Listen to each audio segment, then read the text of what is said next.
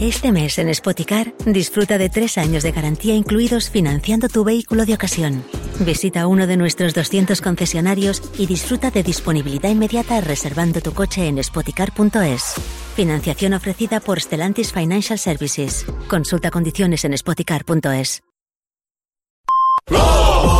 En la venta de tu coche, como en todo, puede ser un loser o un pluser. Un loser no valora su tiempo. Un loser se deja embaucar con ofertas de compra que no se respetan. ¿Quieres ser un pluser? Ven directo a Ocasión Plus para recibir siempre la mejor tasación pago en el acto y siempre con total transparencia. Ocasión Plus. Ya somos más de 200.000 plusers. ¿Te unes? Tots aquells que ja condueixen el número 1 se senten únics, especials. I ara, perquè més gent pugui sentir aquesta increïble sensació, Hyundai posa a la teva disposició el Tucson amb unes condicions immillorables. No esperis més i gaudeix ja de la increïble sensació de conduir el número 1 en vendes. Xarxa de concessionaris Hyundai de Barcelona. El Pèndol, des de 1983. Reparem, valorem i comprem Rolex. Truca'ns al 93 414 0802. El Pèndol, a Balmes 228. Últim avís! A Fort Nicolàs, concessionari oficial, ens queden poques unitats de Ford Focus, Ford Puma i Ford Kuga a preus de liquidació. És una oportunitat única de tenir el cotxe dels teus somnis a un preu d'escàndol. Vehicles totalment equipats amb etiqueta eco i entrega immediata perquè puguis acabar el mes de febrer estrenant cotxe. Últim avís, només a Fort Nicolàs. Torna Fira Passió, un festival cultural i comercial on podràs gaudir de tot tipus d'activitats de cultura popular. Curses de creus, desfilades d'armats, cercaviles temàtiques, divertides microescenes i bons productes de la terra. Des de la Federació Catalana de Passions t'animem a acompanyar-nos el proper 2 i 3 de març a Esparreguera. Fira Passió. Viu les passions. Renova. Més fàcil. Actualitza. RAC1.cat, el portal de notícies de RAC1. Perquè no us perdeu res de res. R-A-C-U.C-A-T. Participeu, expliqueu-nos el que vulgueu, digueu-hi la vostra.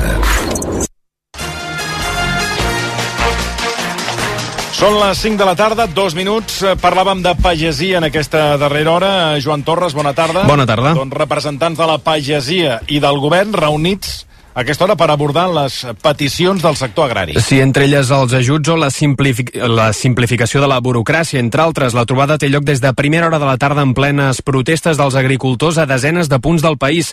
La més destacada, ho dèieu al versió, és a la P7, a prop de la frontera francesa. A l'espera del que pugui sortir d'aquesta reunió, els agricultors avisen que no se'n mouran si el govern no aplica el que van pactar ara fa tres setmanes quan es va fer la gran tractorada a Barcelona. Última hora des de Puntós, a l'Alt Empordà. Sandra Florenza. 110 tractors i 200 pagesos continuen concentrats a Puntós, mantenint tallada la Nacional 2 i la P7 en aquest punt de l'Alt Empordà que es creuen les carreteres des d'aquesta passada mitjanit. No tenen cap intenció de marxar, almenys fins demà. Estan a l'espera de solucions. Volen veure què se'n pot treure de la reunió amb la Generalitat. Per aquesta tarda prepararan carn per sopar i comptaran amb el suport cultural en forma de concerts de dos dels grups de versions ben coneguts, l'Orquestra Diversiones i els Pelucas, a partir de les 7 de la tarda. A banda de l'Alt Empordà, ara mateix també continuen els talls a l'A2 en diversos trams de Lleida o a l'AP2 a Itona, entre altres. Coneguem-ne l'última hora de les carreteres Servei Català de Trànsit. Sílvia de l'Amo. En aquests moments, eh, per la situació viària, hem de dir que hi ha vies encara tallades per les manifestacions de pagesos, són a la zona de Ponent de Lleida, com és el cas de l'AP2, la 2, la 22 i la Nacional 240, la N230 i la C14. Compte amb aquests punts perquè al voltant també hi ha retencions i en el cas de l'Alt Empordà, a Girona, està sobretot, i és molt important, tallada la P7 a Vila, entre Vilademuls i Borrassà, on hi ha desviaments senyalitzats, senyalitzats i en el cas de la Nacional 2, a Vilamalla, entre Vilamalla i Bàscara, també tallada i amb desviaments també senyalitzats. En el cas de la C38 al Coll d'Ares, tallat, i la Nacional 152 a Puigcerdà també. Compte perquè hi ha retencions al voltant d'aquestes incidències. Molt bona tarda.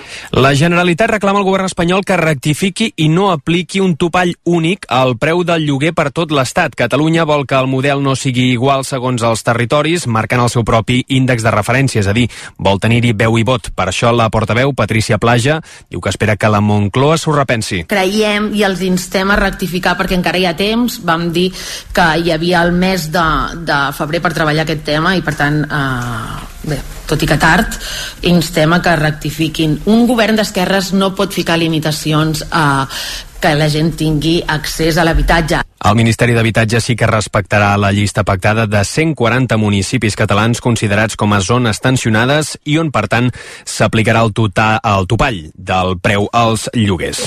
I Pere Aragonès i Salvador Illa ja han segellat el pacte pels pressupostos d'aquest any. El president i el líder del PSC s'han reunit al Palau de la Generalitat per escenificar-ho. Demà el govern els aprovarà en una reunió extraordinària. Des de Palau, Adrià Santa Susagna. Sí, ha estat una encaixada de mans i una signatura ràpida per donar per tancat el pacte entre el govern i PSC. Un pacte que inclou augments importants de la despesa en educació, salut, cultura o ajuts per combatre la sequera. El govern aprova demà els pressupostos i els portarà el mateix matí al Parlament. Allà la consellera d'Economia, Natàlia Mas, els entregarà la presidenta de la cambra als grups parlamentaris i n'explicarà la lletra petita. Uns pressupostos que no compten per ara amb el suport dels comuns, els de Jessica Albià, que exigeixen una renúncia explícita al projecte del Hard Rock per votar a favor dels comptes. I ara els esports amb Xavi Rocamora. Segons ha pogut saber rac Ferran Torres està descartat per jugar aquest diumenge a Sant Mamés. El davanter valencià encara recupera de la lesió al bíceps femoral i tot apunta que reapareixerà la jornada següent contra el Mallorca, és a dir, abans del partit de tornada de Champions contra el Nàpols. Tot plegat el dia que hem sabut que la Lliga es personarà juntament amb el Sevilla contra els vídeos de Real Madrid Televisió. Així ho ha confirmat el president de la Lliga, Javier Tebas, aprofitant la denúncia del club andalús al comitè de competició per intentar aturar els vídeos vídeos del canal oficial del Club Blanc. Tebas també ha donat per fet que Kylian Mbappé jugarà la temporada que ve amb el Madrid i ha celebrat que li hagi pogut guanyar el pols a Florentino Pérez, en el cas CBC.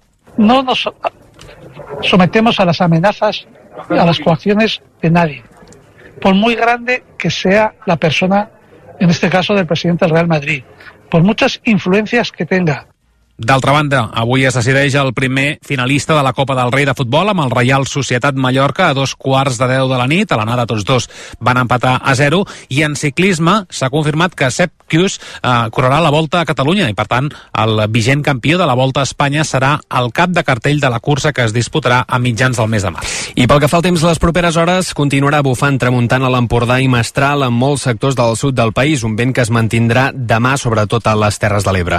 A més, ha de continuar continua la nevada al nord del Pirineu. Els ruixats que tenim en algunes zones del centre del país no aniran a més, però s'han de mantenir encara unes hores.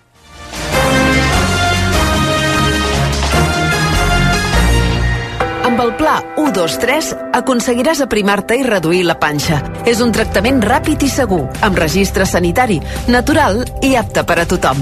Té un efecte drenant que fa que et desinflis i no t'has de preocupar perquè seguiràs menjant com ho feies. No és cap batut. Tan sols et prens un sobre al dia i una càpsula l'última setmana amb un got d'aigua. I en tan sols 3 setmanes baixaràs de 4 a 7 quilos. La primera setmana prendrem els sobres de pinya, que netegen l'intestí i eliminen toxines, reduint 2 quilos al pes. La segona setmana, amb els sobres de taronja, renovaràs i reduiràs la panxa i l'estrenyiment. La tercera setmana, amb les càpsules ja es nota la pèrdua de greix a la cara, la cintura, l'esquena, la panxa i les cames perquè cremen i capten el greix. Són saciants i aprimen de 4 a 7 quilos. Fes la teva comanda al 650 51 52 53 i t'enduràs de franc una caixa de galetes dietètiques ecològiques de pura fibra i oli extra verge. 650 51 52 53. És econòmic i amb enviament gratis. Informa't sense compromís. 650 51 52 53.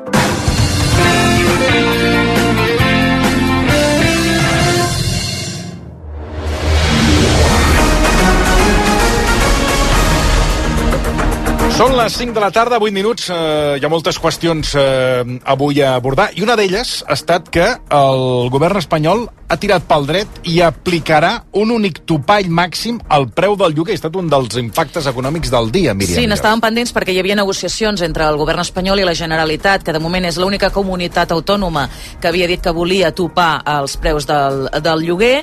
Doncs al final eh, no hi ha hagut eh, acord i el govern espanyol doncs, eh, ha optat per un model homogeni a tot l'Estat i descartar doncs, la proposta catalana de tenir un índex eh, propi i, per tant, tenir una mica més de màniga ampla. Els intents de la Generalitat Generalitat, per tant queden en paper mullat i l'índex de preu serà igual a tot l'Estat. Sí que respectarà, això sí, la llista pactada de 140 municipis catalans considerats zones tensionades i, per tant, on s'aplicarà el topall eh, de preus. Segons el govern espanyol, amb la nova normativa, un pis al carrer València de Barcelona que ara es lloga a 1.650 euros, podrà llogar-se com a molt a 984. Per tant, és gairebé eh, doncs un 60-70% menys del preu de mercat actual. Entraria en vigor aquesta nova normativa d'aquí un parell de setmanes, el 13 de març, i hores d'ara Catalunya, com dèiem, és l'única comunitat que ha demanat oficialment aplicar el topall. Doncs eh, d'això ja en vàrem parlar amb el catedràtic d'Economia de la Universitat de Colòmbia en el seu dia, quan hi havia aquesta proposta, però és que la proposta resulta que, no Míriam, que, ja, que ja, ja ha tirat endavant, ha estat Exacte, aprovada pel govern espanyol. recordem que la, la, el topall de preus de lloguer que va aprovar la Generalitat es va declarar inconstitucional i, per tant, està tombat. Doncs eh, saludem a aquesta hora el catedràtic d'Economia de la Universitat de Colòmbia, tal com dèiem Xavier Salí Martín. Professor, molt bona tarda. Molt bona tarda, com anem? Molt bé, doncs eh, quan podem estar aquí a, a, a la ràdio i al versió anem, anem molt bé. Altres dies no anem tan bé, però... Bueno, Celebro que, que avui estigués aquí. Igualment, professor. Bé, avui hem tingut aquesta sorpresa, jo crec que ha vingut a ser com una cortina de fum de tot el que està passant al Partit Socialista, perquè no ens, ningú s'ho esperava, sí, ha sigut com de cop i volta, pum, s'ha aprovat aquest, eh, aquest topall, i eh, d'això ja en vam parlar en el seu dia, quan hi havia la proposta, vostè ja ens va fer un, un primer anàlisi, però clar, això diguéssim que ja està, està beneït pel govern espanyol.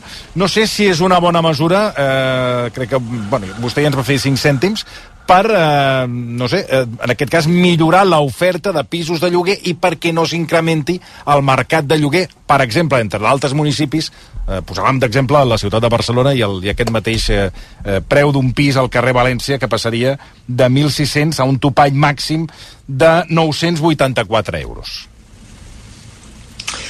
Sí, a veure, to tota l'evidència empírica que tenim els economistes de totes les ciutats a tots els moments de la història en el que s'han fet coses similars, eh? tota l'evidència demostra que això eh, és contraproduent.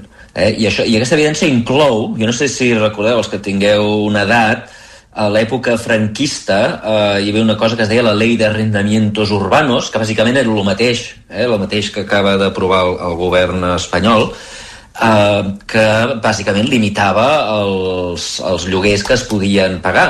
I al final de l'època franquista, no sé si recordareu, que hi havia eh, diguem, molta gent, sobretot gran, iaies, que tenien pisos amb uns lloguers ridículs al mig de Barcelona, sí. però que no es trobaven pisos de lloguer.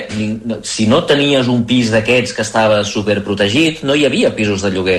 Um, I les, les iaies que tenien aquests pisos de lloguer eren, eren pisos deteriorats perquè ningú no els volia arreglar. Uh, i, I aquest és exactament el que acabarà passant amb aquest tipus de llei.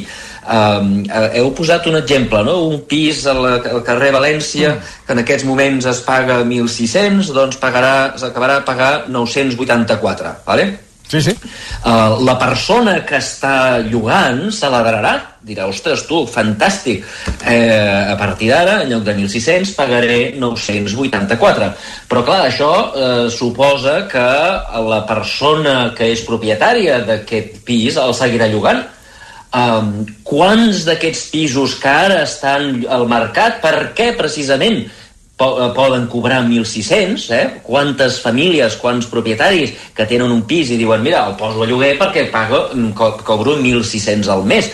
Eh, quants d'aquests diran, escolta, eh, a 984 no val la pena, per 984 al mes, escolta'm, eh, per recuperar la inversió doncs tardarem molts més anys i per tant el que farem serà vendre aquest pis i treure'l del mercat. I per tant aquesta família que ara està celebrant que el seu lloguer de 1.600 passarà a valer 984, en lloc de celebrar el que passarà és que potser es quedarà sense pis perquè eh, no sabem quants d'aquests pisos seguiran estant en el mercat de lloguer. I això, aquest és un principi fonamental eh, eh, de, de l'oferta i de la demanda. Encara que el govern, que creguem que és del govern més d'esquerres de la història, no cregui en l'oferta i la demanda i no cregui en els mercats, eh, l'oferta i la demanda segueixen operant, perquè no, l'oferta i la demanda són les decisions dels individus de tota l'economia.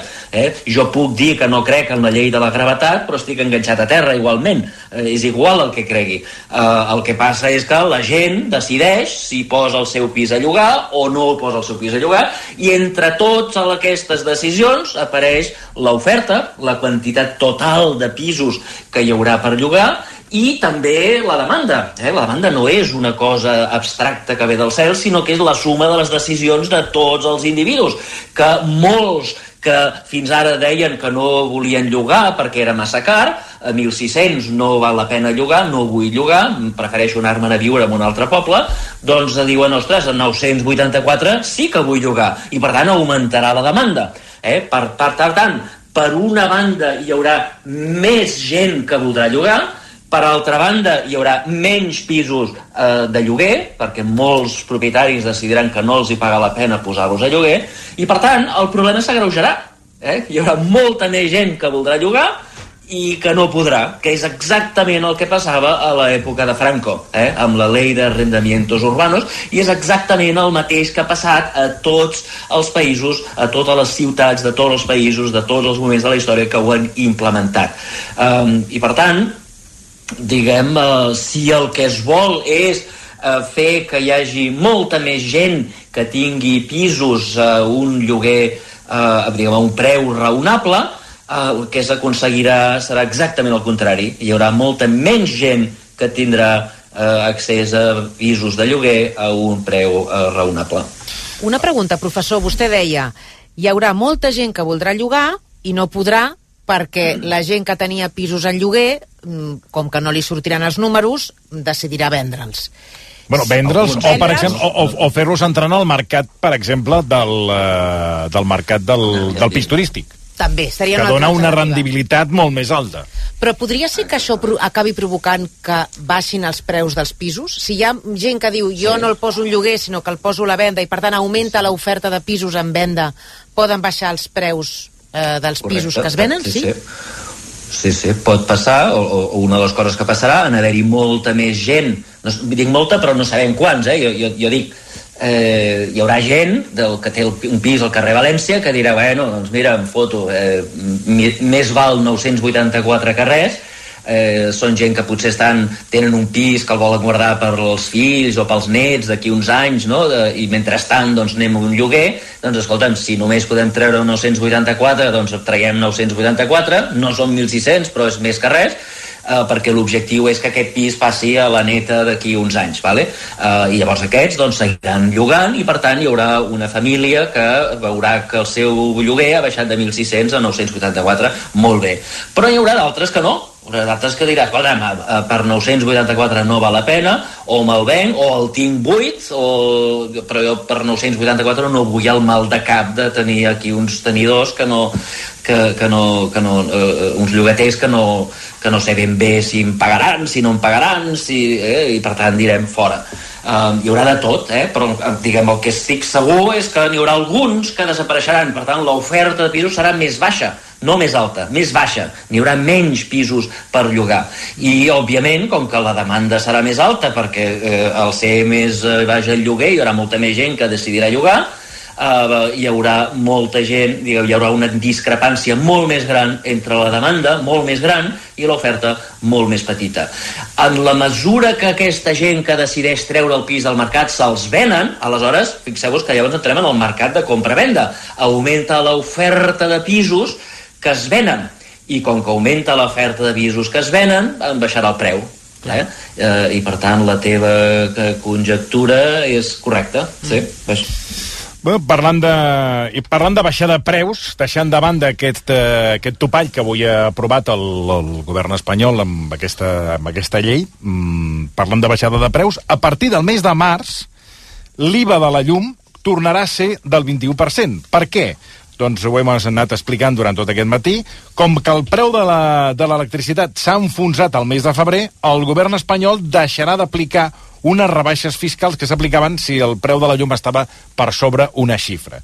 Eh, què ha passat amb el preu de l'electricitat? És a dir, com s'explica que l'energia sigui eh, ara tan barata quan a l'inici, per exemple, de la guerra d'Ucraïna es van disparar els preus? Bé, avui amb el professor volíem parlar perquè, clar, eh, si tirem dos anys enrere, quan es va iniciar la guerra de Rússia contra Ucraïna, això va provocar una crisi energètica que, si fem una mica de memòria, va generar, va posar per exemple, Europa en estat d'alerta. A l'agost d'aquell primer any, del 2022, de guerra, eh, el preu de l'energia va assolir màxims històrics.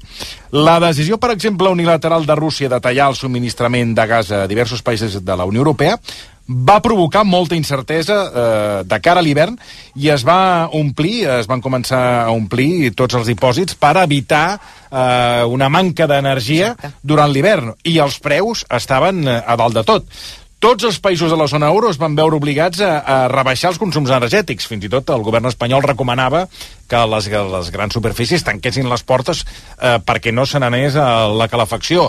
Que les els aires condicionats, te'n recordes? Els aires condicionats que, fossin, que tinguessin una temperatura X eh, per evitar el de, que, que quedessin desabastits, no? Eh, bé, tots els països de la zona euro es van veure obligats, com dèiem, a rebaixar aquest consum energètic. Eh, Espanya, com dèiem, va aprovar aquest tipus de decrets.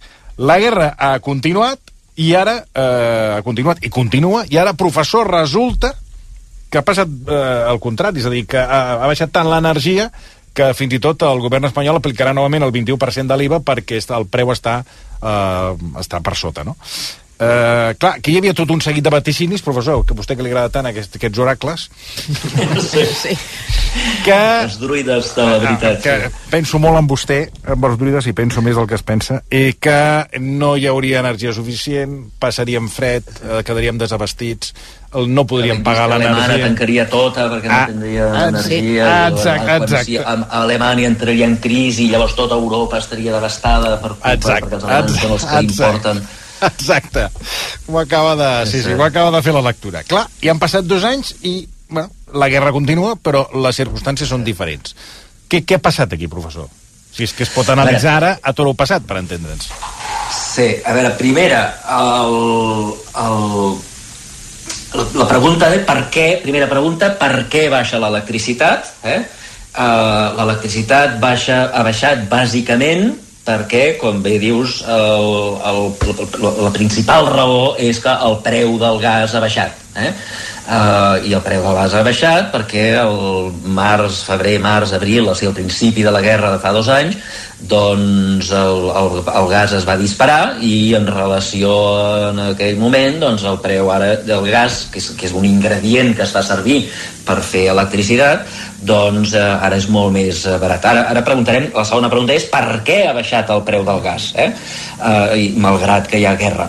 Uh, però hi ha, hi ha dos raons més que expliquen, uh, que expliquen la baixada del preu de l'electricitat. Una és que, com a conseqüència de tot allò que va passar, de la por que teníem de dependre del gas i tal, doncs va augmentar l'oferta d'alternatives i sobretot de renovables.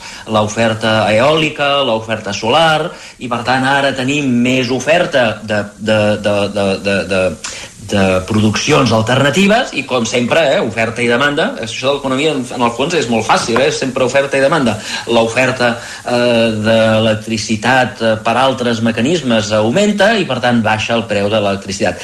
Però hi ha un tercer factor que és el més preocupant que és el preu de les emissions que posa la Unió Europea Eh? Eh, tots sabeu que per lluitar contra el canvi climàtic les empreses que fan emissions, eh, jo què sé, les constructores, les productores de ciment, tots els, tothom que fa emet CO2, doncs ha de comprar un permís. Eh? I el preu d'aquest permís també depèn de l'oferta i la demanda. Si hi ha molta gent que vol comprar permisos, doncs el preu del permís puja, però clar, eh, les empreses que fan electricitat i que emeten CO2 eh, han de comprar també aquests permisos i aquests són molt cars, si el preu del permisos puja, doncs això es reflecteix en el preu de l'electricitat. Eh? Els, aquests empresaris que fan electricitat no són tontos. Si el seu cost de fer electricitat per culpa de les lleis europees puja, doncs ells aquest, això ho passen en el client en forma de preu més elevat. I el preu de les emissions, curiosament, Eh, perquè aquesta una idea, eh, fa un any, el, el gener de l'any 23, valia 80 euros emetre una tona de CO2, 80 euros, ara mateix val 56.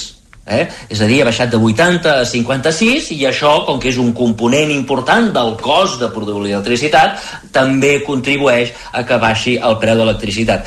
Per què dic que això és preocupant? Doncs bé, perquè el mercat aquest dels preus de les emissions és un mercat de futurs Eh? És un mercat que moltes empreses diuen jo necessito comprar un permís ara, mes de febrer, perquè jo el mes de juliol vull fer una fàbrica, o perquè el mes de juliol vull fer construcció, no? vull construir uns pisos, etc etc.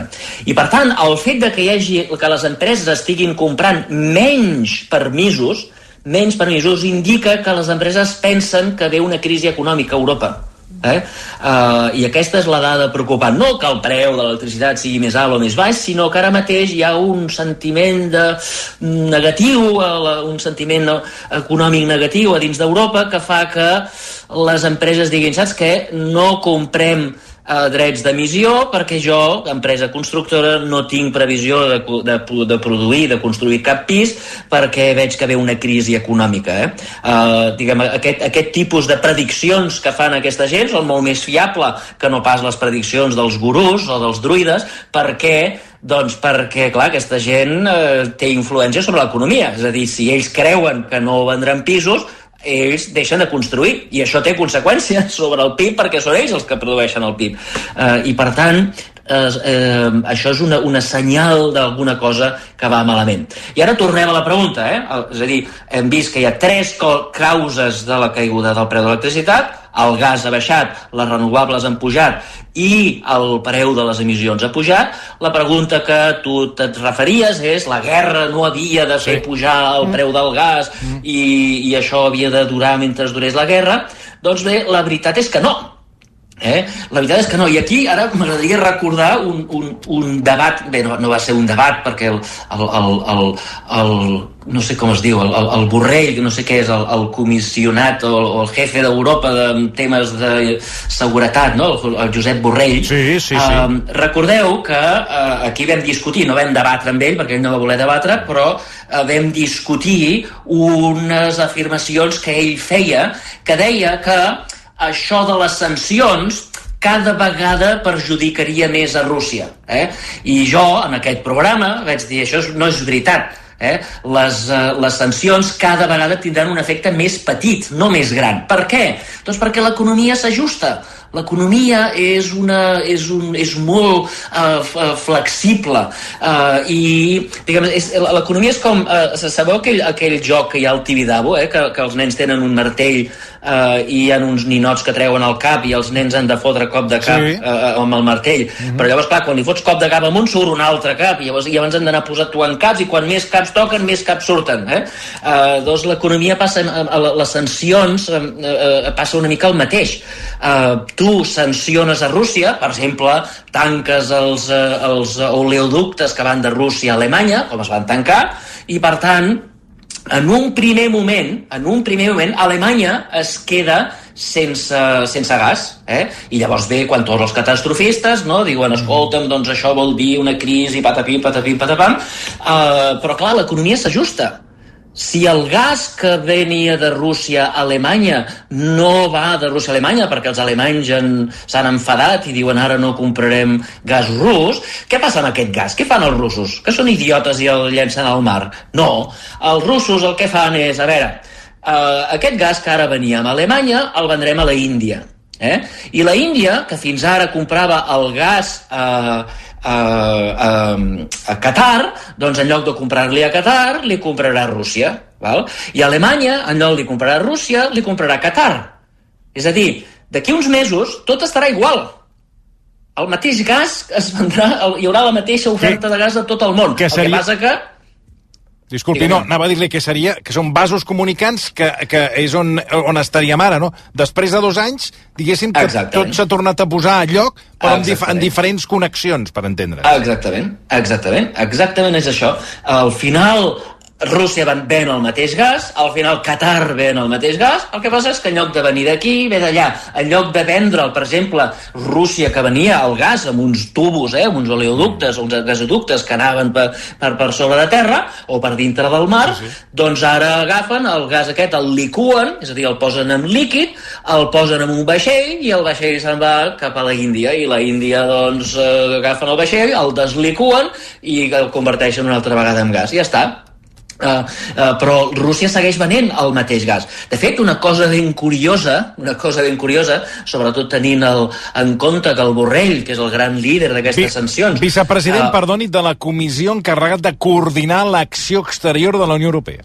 Aquest és el càrrec. Ah, molt, que ostres, impressionant. doncs, doncs, doncs el, el, el, com que ell és espanyol, abans de, abans de ser vicepresident és espanyol, una de les coses curioses que ha passat, saps què? és que eh, a Europa qui té més eh, capacitat de desliquar gas, el, el que té més plantes desliquadores eh, a tota Europa, és Espanya. Mm. I resulta que Espanya ha jugat un paper clau a l'hora de salvar-li el cul a Rússia. Per què? Doncs perquè aprofitant que Espanya té aquestes plantes desliquadores, el gas que es venia a Alemanya a través de les, dels gasoductes, uh -huh. eh, els russos, òbviament, van dir, com que no podem fer servir els gasoductes, hem de trobar alternatives, gas liquat. Doncs van i eh, licuen el seu gas, el posen en uns vaixells de bandera eh, indonèsia o grega o d'un país estrany, de que se, que se salten les normes, aquest gas arriba a Espanya, i el gas que Espanya doncs, portava d'Algèria doncs, se'n va cap a un altre país, és a dir, Alemanya. Eh? Uh, I per tant, fixeu-vos que ara mateix la quantitat de gas que Espanya eh, obté de Rússia, abans, abans de la guerra, eh, Espanya tenia més o menys un 2,8% de tot el gas venia de Rússia, ara és gairebé el 20%, un 18 i pico per cent. És a dir, que eh, gràcies a que Espanya ha jugat el paper de salvar-li el cul a Rússia, les, eh, diguem, l'economia s'ha reajustat i tot torna a la seva situació original. Això és el que vam dir de seguida a les sancions, jo quan va haver les sancions vaig dir les sancions tindran el seu màxim efecte ara a curt termini, perquè a curt termini la gent no es pot ajustar, necessites una planta liquadora per poder liquar el gas i si no la tens doncs l'has de construir i això tardarà temps i per tant durant uns mesos hi haurà problemes, hi haurà problemes a Europa, hi haurà problemes a Rússia i aquests problemes es van traduir amb augments del preu del gas això és el febrer, març, abril, maig de 2022. Però a poc a poc l'economia es va ajustar. Eh? Els vaixells van començar a anar cap a Espanya, els que venien, els que anaven d'Algèria cap a Espanya doncs s'han anat cap a Alemanya, els d'Índia han anat cap a Qatar, etc. Tot s'ha reajustat. Eh? El joc del Tibidabo doncs, han sortit els caps i, i, tot, i, i, i, ja està, i, i tot ha tornat en el seu, en el seu punt original, que és on, on som ara. Eh? Però um, la, la, la clau és que a curt termini les sancions tenen efecte, a llarg termini les sancions cada vegada són més fàcils de superar perquè l'economia és flexible, l'economia s'adapta, l'economia i els polítics, eh?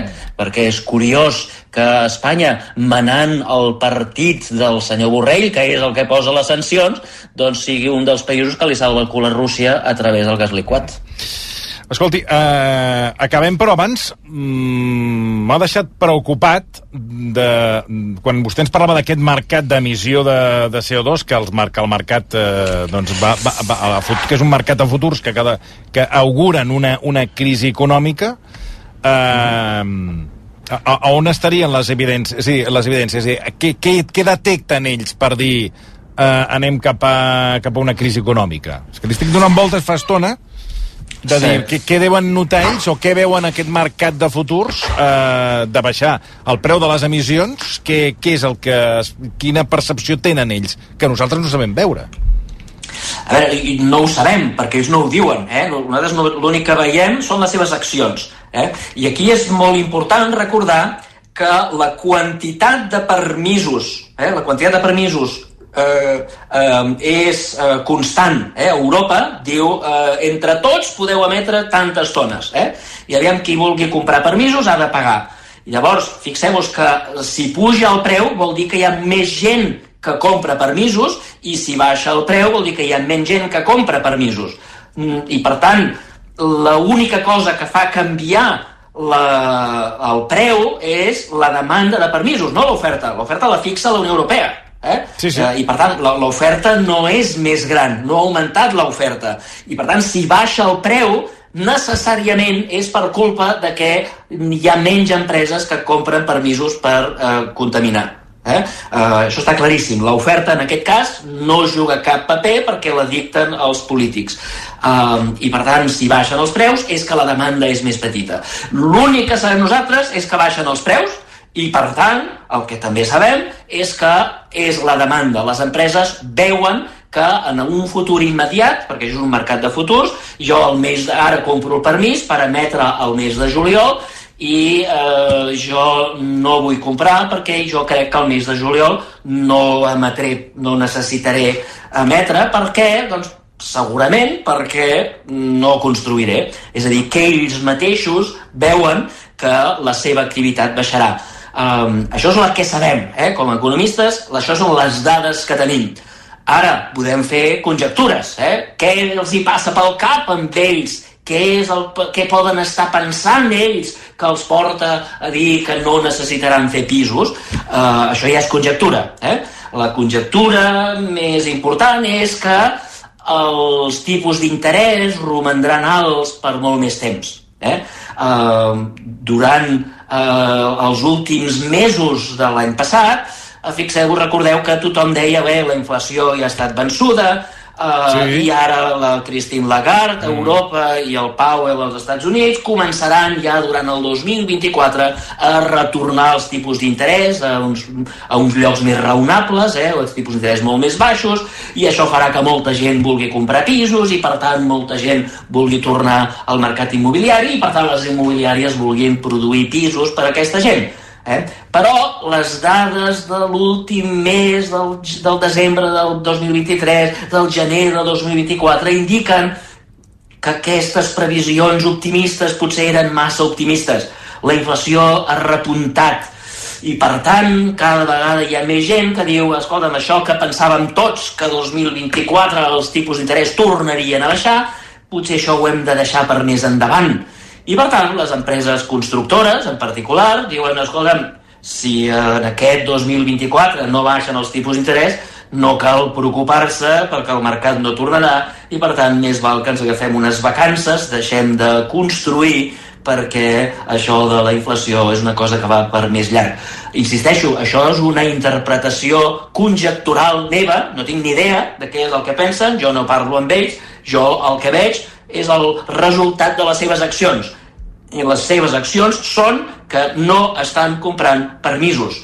I com que no estan comprant permisos, alguna cosa pessimista els hi passa pel cap que els porta a dir no necessitaré emetre perquè no faré tanta activitat. La meva fàbrica no funcionarà tant com pensava i per tant no cal comprar permisos, no cal tirar diners en la compra de permisos perquè no els necessitarem. Va? Um, per tant, la, la, lamento no poder contestar la teva pregunta, no tinc ni idea de què és el que els hi passa pel cap, puc sospitar, però no, no puc saber-ho amb seguretat. Bueno, celebro que no ho sàpiga, eh, més que, que, que em faci de d'un balcador i faci aquí tota una sèrie de pronòstics que després, amb el pas del temps, doncs no serveixen per res. Per tant, és millor. eh, Quan Sí, saps no que jo els pronòstics ja No, no- no, vostè la bola no, no, de vidre ja no, fa no. temps que la té per altres coses. La tinc aparcada. Professor, moltíssimes gràcies, com sempre. Un plaer. Gràcies per tot. Gràcies a vosaltres, Una bon dia. abraçada. Catedràtic d'Economia de la Universitat de Colúmbia, el professor Sala i Martín, eh, que hem abordat dues qüestions. Sí. Uh, una relacionada amb l'energia, que avui és actualitat, i la segona, aquest topall dels preus del lloguer. Fem una petita pausa, una incursió parlant d'energia amb Iberdrola, i quan tornem ens n'anem al Mobile World Congress, on ens espera la Montse Martí i eh, avui eh, acompanyat del Víctor Endrino en dos minuts.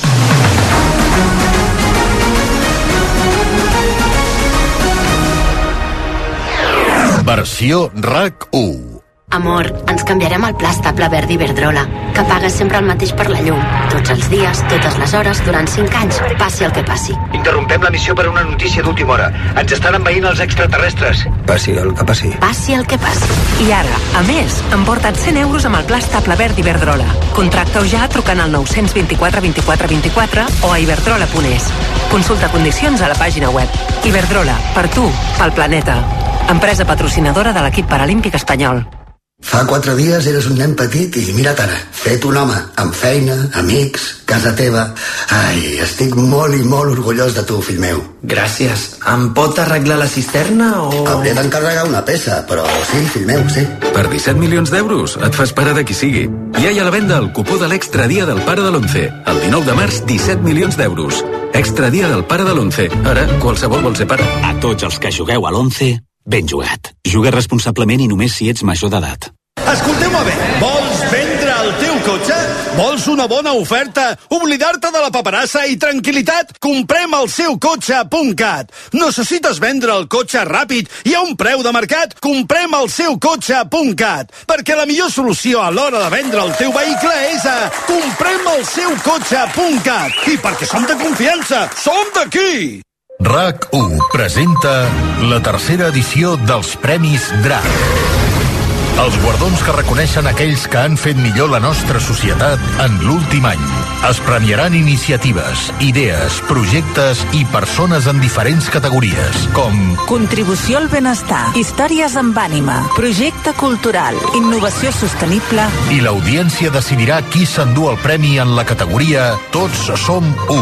Els candidats són... Julieta, Àngel Llàcer, Anna Schlegel, el Festival de Cinema de Sitges, Antonio Díaz, El Mago Pop i Laura Pedro. Entreu a racu.cat, voteu i optareu a guanyar una tauleta electrònica.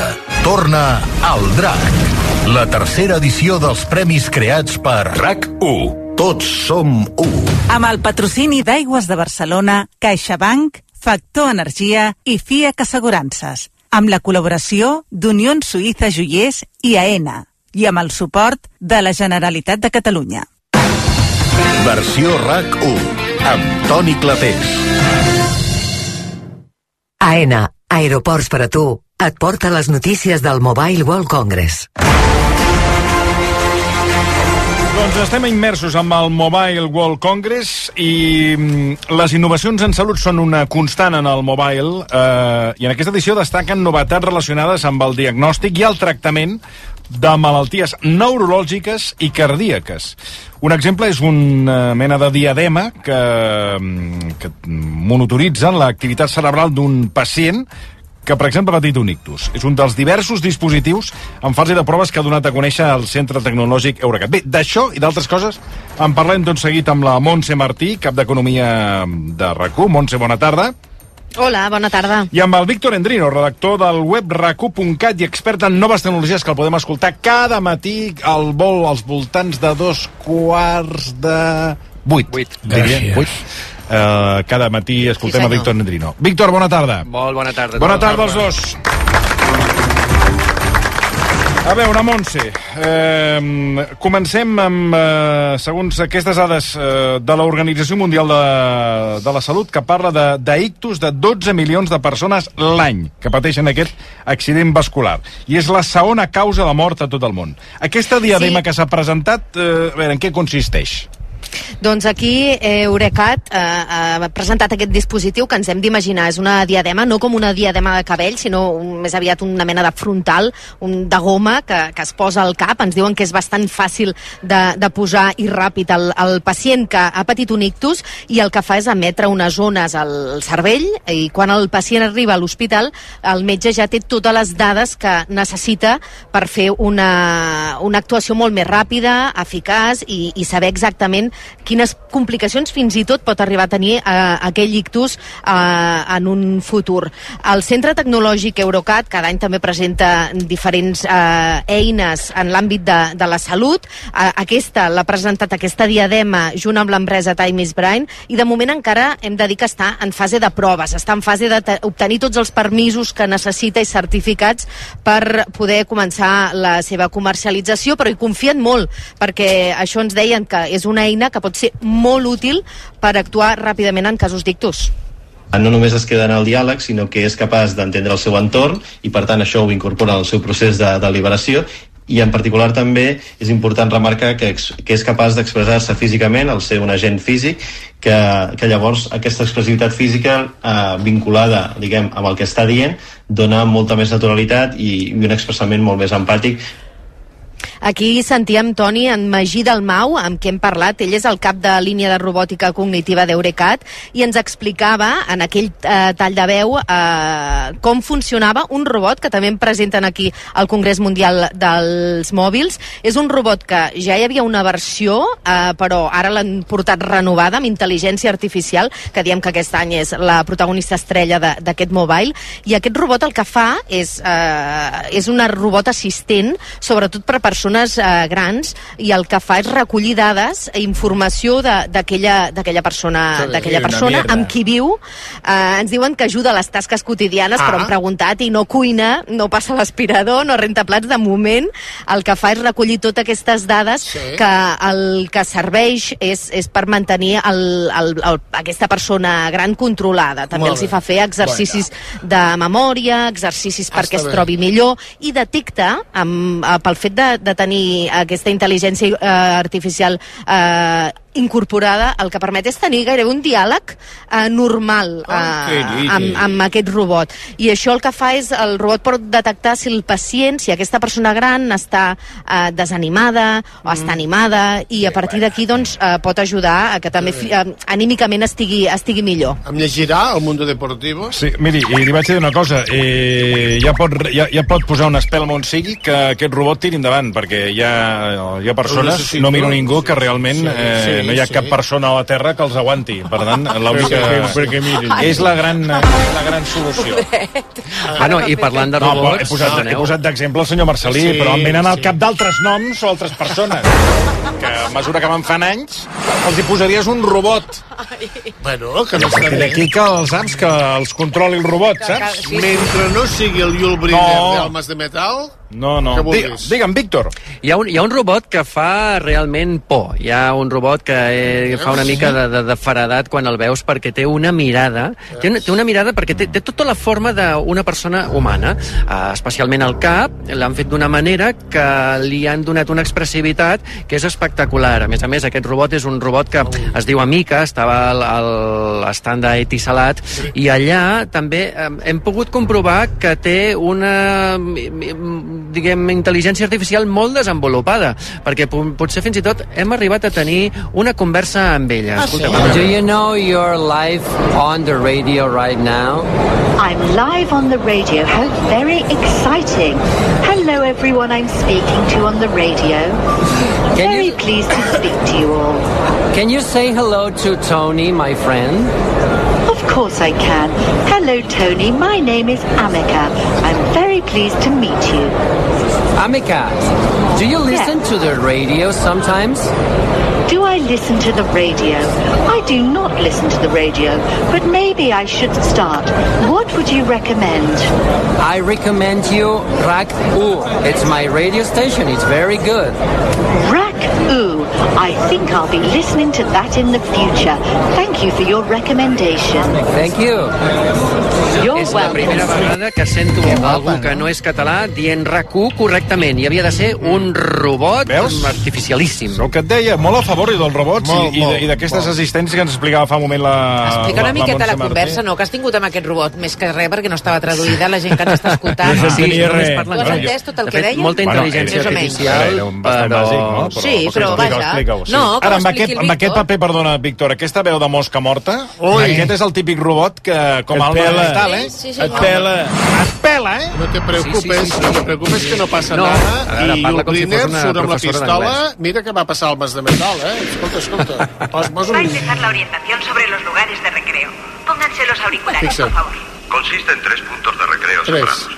Sí, però això ja ens ho han posat eh, Sí, és 74 molt pesat, eh? És molt pesat. És que sempre està mal El marcat. oeste. Per favor. No, treu, treu, El treu. Imperio ja. Romano Sí, sí, i ah, la Edat treu, treu. Media. A veure, és un robot que recorda una mica, anem a la si de conversa. desafío total. Sí, exacte. Víctor, explica una miqueta el contingut de la conversa. El contingut de la conversa és molt fàcil, és molt de Barrio Sésamo. Li he preguntat si escolta la ràdio, em diu que no, no escolta la ràdio, que què li recomanaria, i jo li he dit, escolta, RAC1, que és una emissora que està de conya, és la meva emissora i és molt bona. Oh, sí, sí, doncs mira, no escolto la ràdio, però m'estic plantejant fer-ho i escoltaré RAC1. Segur. Potser seria Molt un bon moment per començar. eh? Sí, millor que no escolti. I, perquè... i, ve, I veu de mosca morta, eh? Sí, De- gata maula, gata maula. Això, gata maula volia dir. Sí, Gata sí. maula. I què pot fer? O mosca que... morta també, També, és correcte. també. no? Raca, raca, pajarraca. Oh, Muy bien. Bueno, eh, digues, digues, eh, Víctor. Mirava i xerrava molt bé, però de fet jo he vist que estava com soldat a terra, eh? tampoc anava gaire lluny aquesta, aquest robot. Però bueno, en qualsevol cas, he vist una cosa que m'ha cridat molt l'atenció, A veure. Que és una tele Sí. que no té absolutament cap cable enganxat. És a dir, va amb bateries, va amb connectivitat inalàmbrica, no té cap mena de cable. I dius, ostres, aleshores com li arriba la corrent? Doncs li arriba perquè té unes bateries, té dues bateries diferents i independents, i mentre una està funcionant, tu pots anar carregant l'altra, la poses i així doncs, pots estar tota la vida. I a més a més, és una tele que s'enganxa a la paret amb ventoses. Cuidao, és perillós, és perillós. Sí, és perillós. Però sí, Això també ho venen no. a les farmàcies, Víctor, o uns agafadors perquè es dutxi la, la, la, la, la, la, la mare, en aquest cas. Cauen. I cau, l'agafador amb ventosa cau i la mare també pot caure, eh? Totalment. Sí, sí, les de la dutxa també. Totes les ventoses de la dutxa acaben Clar, caient. a la tele no. aquesta mà que dius que van ventoses també pot passar. Home. Sí, però té un sistema de seguretat que, a veure, ells diuen que pot estar fins a... En, entre, entre 3 i 10 mesos, que a mi em sembla una forquilla molt ampla, però entre 3 i 10 mesos enganxada a qualsevol superfície de paret, que a mi em sembla que això també és una mica discutible. Bueno, és molt Però, obert, eh? El- el- el- si el la tele... el vano és molt- No saps mai quan et caurà, eh? No, però Entre dic, 3 i 10 mesos. 3 i 10 és... El, A el, veure, Y el fabricant content, porque si se cae una de nova. Exacte. No, no, però no cau. Eh? És una tele que no cau. I si detecta que cau, sí. té una mena de cables que es despengen de la paret i Ah. fan baixar la tele fins a terra de manera una manera molt lenta, molt lenta, molt lenta, amb una mena de paraxocs que té a la part de baix i la tele es queda reposada a terra. escolta, És a dir, que en francament, no és millor cauria. una tele de les de tot arreu. bueno, o un suport i, i, i, i collar-la a la Perdona, paret. però... Deu eh, ser entre- caríssim. el, la que estava molt interessada Sí, amb aquesta tele aquest 4.500 matí, euros. eh, estava molt interessada. Quan et dius que val? 4.500 euros. Ah, 55 Tant, polzades. para que te caiga a terra. La- No, el que té de bo això és que... La Folqueta Sí, estava sí. molt interessada Ah, amb sí? aquesta tele, perquè diu que darrere la tele, que m'ha fet pensar, i he pensat, té raó, o sigui, la de cables que tenim darrere la tele. Sí, sí, Molts. Una de merda, Sí. però... Aquesta no té cap. Però es, Sí. es pots amagar, jo, jo tinc els... els No es pots amagar. els A casa meva, almenys us, us, fa, us faré una foto i, i, i És a més... horrorós, allò, eh? Tinc els cables del vídeo. Sí. Els cables del... Però del, se't del, veuen, els cables. Bueno, clar, tots Però surten. el vídeo VHS? Sí, encara tenim vídeo VHS. Per si algun dia, eh, a casa meva, Torna, la, torna la Marta vídeo, és molt sí. d'això, si algun dia volem veure un VHS. No n'hem vist, fot 20 anys. Podria però és venir a igual. veure un vídeo meu Sí. fent gimnàsia rítmica de l'any... Tenim vídeo VHS, tenim 92. eh, DVD, reproductor de DVD. Tenim una Wii que ens van regalar, que està morta de fàstic, allà, que no la fa servir ningú, que va, dos dies i prou. I després ja ve el Movistar, el no sé què, el... Clar, i, Tots i, són el, cables. tots són cables, tots són cables. Mm, tots som-ho. Darrere, la, darrere les teles acostuma a haver un garbuix de cables Clar. que semblen... Saps els pals telefònics Sí, aquests sí. de l'Índia? Sí, que van sí. per sobre dels carrers, Sí, sí. que allò no sé com ho arreglen, doncs és, és això. I I crea aquesta una- el que té de bo és que la pots canviar de lloc en un moment. És a dir, en, en Clar. dos minuts la desenganxes, la poses Això a un altre sí. lloc i te'n vas a l'habitació i, la, Sí, sí, i, la, i listos, la mires listos. allà. Em, Molt bé. jo, si tingués aquesta tele, el que em ve al cap és que em vindria de gust que, que caigués per veure tota aquesta performance que fa de- d'evitar la caiguda, eh? Mm, M'agradaria veure-ho. Només te la compraries per veure com cau. Es despenja com... Doncs, eh, Montse, vine aquí un dia i els que netegen vidres, vine a veure si un dia si la, la cistella se'ls despenja, a veure com baixen. La tele. Home, perquè la tele, eh, escolta... De què rius? Eh? Bueno, alguna cosa més, Montse? Imagina't que tens posat el pallisser Sí. i vas veient el Hem- pallisser com va caient. El pallisser, perquè tenim... Ah, perquè Bueno, està en la pantalla. Sí, home, està, estàs mirant... La... Ahir el vaig veure, que va venir als Premis Ràdio Associació Què, de... què? Però tu hi Escolta, eres o està no? igual que la tele. Igual, o sigui, igual. Hi ha gent que dius, està, que quan et veus, està, estàs pitjor, estàs més gras, més prim, més Aquest no, demacrant... clavat. no, no, no, no. Està boníssim. Pallissers, o sigui, clavat, eh? O sigui, el veus i dius... És ell. És, i, però igual, És que- igual. És que és una cosa... Ni millor ni pitjor. No, no, i un cabell que no surt més que l'altre. eh? Clavat. Clavat. Bueno, digues, què ens anaves a sé. Sí, uh, us anava a explicar que hem començat la jornada aquí al Congrés Mundial dels Mòbils amb, mm. anant amb una conferència d'en Pau Gasol que feia també amb el hacker de Telefònica Xema Alonso. Amb un Que hacker? ha estat, que és guapo, tot. Sí, uh, ha estat una conversa molt breu, uh, un, una conferència mm, molt curta, d'un quart d'hora, però sí que és veritat que Pau Gasol uh, ha, ha explicat, uh, ha confirmat que el Comitè Olímpic Internacional, del qual forma mm. part a través de la Comissió d'Atletes, doncs estudiarà com s'ha de regular la intel·ligència artificial perquè no sigui perillós també eh, l'entrada de la intel·ligència artificial en el món de, de l'esport, si et sembla el sentim. Que la presencia de la tecnología, obviamente, en todos los sectores, ¿no? Pero en el deporte también, y ahora veremos cómo la inteligencia artificial va a afectar el deporte, en qué manera, y, ya- y yo que también formo parte del Comité Olímpico Internacional, pues eh, cómo la regulamos y cómo somos proactivos a la hora de incorporarla al, al deporte para que Castellà. sume y no reste, ¿no? En castellà. En castellà, Eh? No eh? fas Hi ha tot un seguit de paraules que, que, que s'introdu... Proactivo m'agrada. I empoderar està agafant molta força. Sí. Està agafant molta força empoderar. Fins i tot eh, em consta que en el món del, del que és la, la clínica, el que seria el sector Sí. Hospitalari, el sector Sí. mèdic, eh, ara la paraula és empoderar el pacient. Sí, Atenció al concepte que eh, me'l va dir la meva hematòloga. Què et va dir? Va dir, "A compte el nou concepte que ens estan taladrant eh, diferent, des de diferents àmbits sanitaris, el nou concepte és empoderar el pacient. Us Què vol dir això? Bueno, ahir el president aragonès ho ha dit tres cops, eh, dos o tres cops també en el discurs Sí. de, de, recu, de, de, Però què radiació. posa? Queda, queda feminista. Queda Empoderar, ara el feminista. rotllo és empoderar. I eh, empoderar el pacient, per tant, tot és Perquè empoderar. vol dir que el pacient No manarà. sé, no, ni ho sap ella, ni ho sap la doctora. Em va dir, ara allà. queda't amb el concepte, que és el que es porta, Sí. empoderar el pacient. Sí. Tot és empoderar. Bueno, dit això, eh, alguna cosa més, Andrino? Uh, bueno, he, he vist una cosa, un sistema Ah, que m'ha semblat molt curiós, que es diu LIFI, que és la transmissió... Pobre Xinxó, de porta dos dies intentant-me vendre un tema. Bueno, ja ho explicarem demà. Demà, demà, ho explicarem. Sí, Sí. Bueno, demà ja estaran, ja estaran allà, no? Estaran a l'Antàrtida. No encara, Ah, no bueno, encara. doncs demà, no demà. encara, Guarda-te'l, demà. guarda-te'l, Sí, encara guarda-te'l. queden dies perquè arribin, no pateixis. Vale, no aquest, pateixis. aquest, aquest és d'aquells temes que anem a fer, però encara no hem fet, però que potser jo I assumio que que l'hem fet. tu et pensaràs que has No, fet... però, fa- Clar, la de dies que fa No, carrer. no, jo- Aquest el farem. Aquest el No, farem. no, Perdoneu, no sabia de quant temps disposàvem. No pateixis. No, no, si la culpa és meva, que... Tranquil. Aquesta, aquestes pauses que faig no em proven, perquè després em quedo amb tot el seguit de coses que... No saps on ets.